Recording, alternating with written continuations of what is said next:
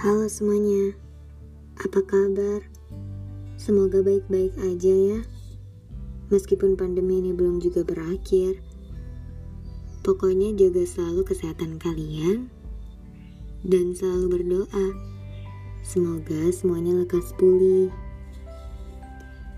Cara kerja cinta Jarak yang kita miliki bukan hanya jarak tempat, tapi juga jarak rasa.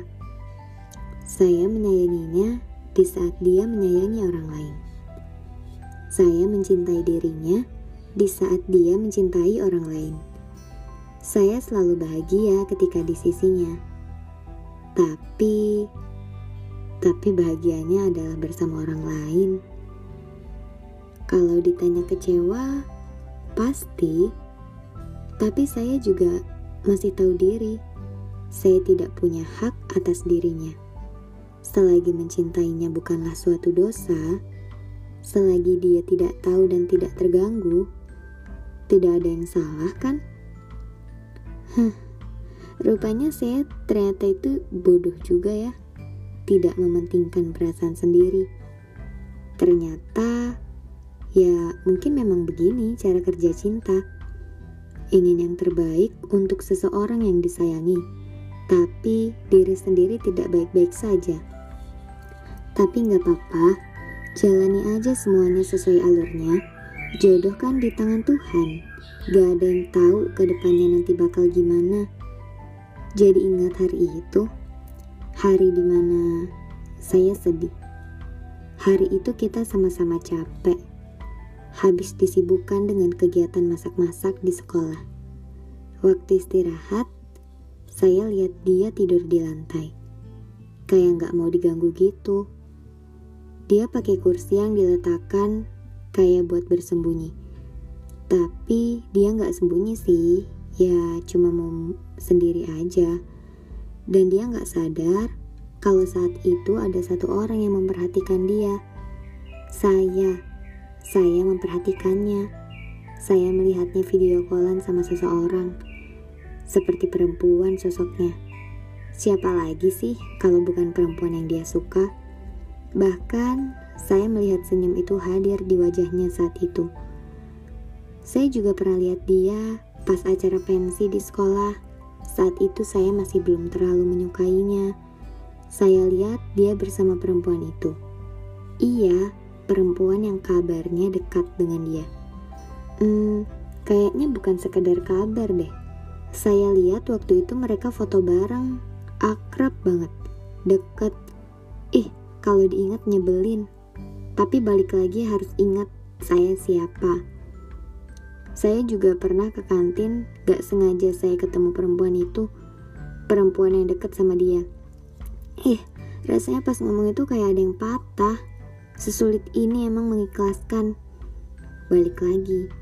Jadi, saya waktu itu pernah ketemu si cewek itu di kantin. Bibi kantin bilang, tumben mampir, kangen ya sama si itu. Si itu, siapa lagi coba kalau bukan dia? BTW perempuan ini emang setahun lebih tua dari saya dan orang yang saya suka kebetulan saat itu dia sudah lulus. Langsung gak mood banget saya hari itu dan si perempuan itu kayak salting gitu. Dan pas saya pulang sekolah saya iseng gitu kan ngestok si ceweknya. Ceweknya. Si cewek itu. Maklum lah saya langsung super kepo. Apa pun tentang dia saya selalu kepo. Saya lihat dia bikin tweet-tweet kalau dia kangen salah satu penghuni sekolah. Saya langsung ngerti sih tujuannya ke siapa. Saya langsung makin gak mood aja hari itu. Ada juga satu hal, ini ternyata sih. Udahlah, semua hal yang berkaitan sama mereka berdua itu emang nyesek aja bawahnya di saya. Jadi tepat hari ulang tahun dia, si cewek upload satu foto di Instagram. Dan itu bikin saya, ah tahu deh, di foto itu perempuan itu sama dia kayak lagi ada di sebuah acara. Acara pentingnya dia.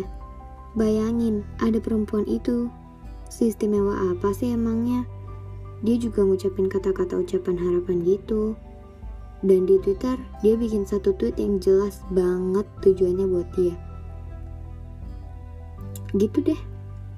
Begitulah saya kira nggak bisa berbuat apa-apa.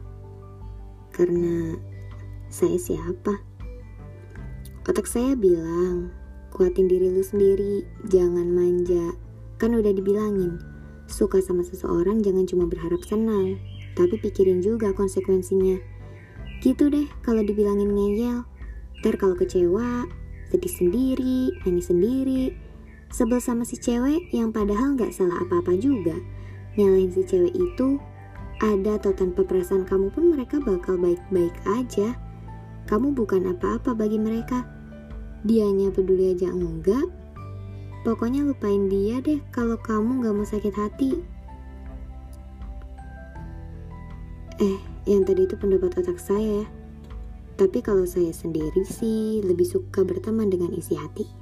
Dia baik. Gini deh, kalau otak sama hati gak sinkron. Abis gimana? Pernyataan otak tadi kesannya kayak terlalu menyudutkan orang lain atas diri saya dan terlalu menyalahkan rasa sayang saya. Padahal kan rasa sayang gak ada yang salah. Rasa sayang itu perasaan terbaik yang tertulus dan gak boleh disalahin. Nah, kalau kata kalau kata hati saya, kata hati saya bilang gini, cinta gak butuh balasan. Selama kamu menyayanginya, biarlah perasaan itu ada tapi jangan sampai membuat dia terganggu, jangan membuat dia tidak nyaman. Selagi kamu kuat melihatnya seperti itu, ya lanjutkan saja. Lagian kamu masih senang kan melihatnya tertawa?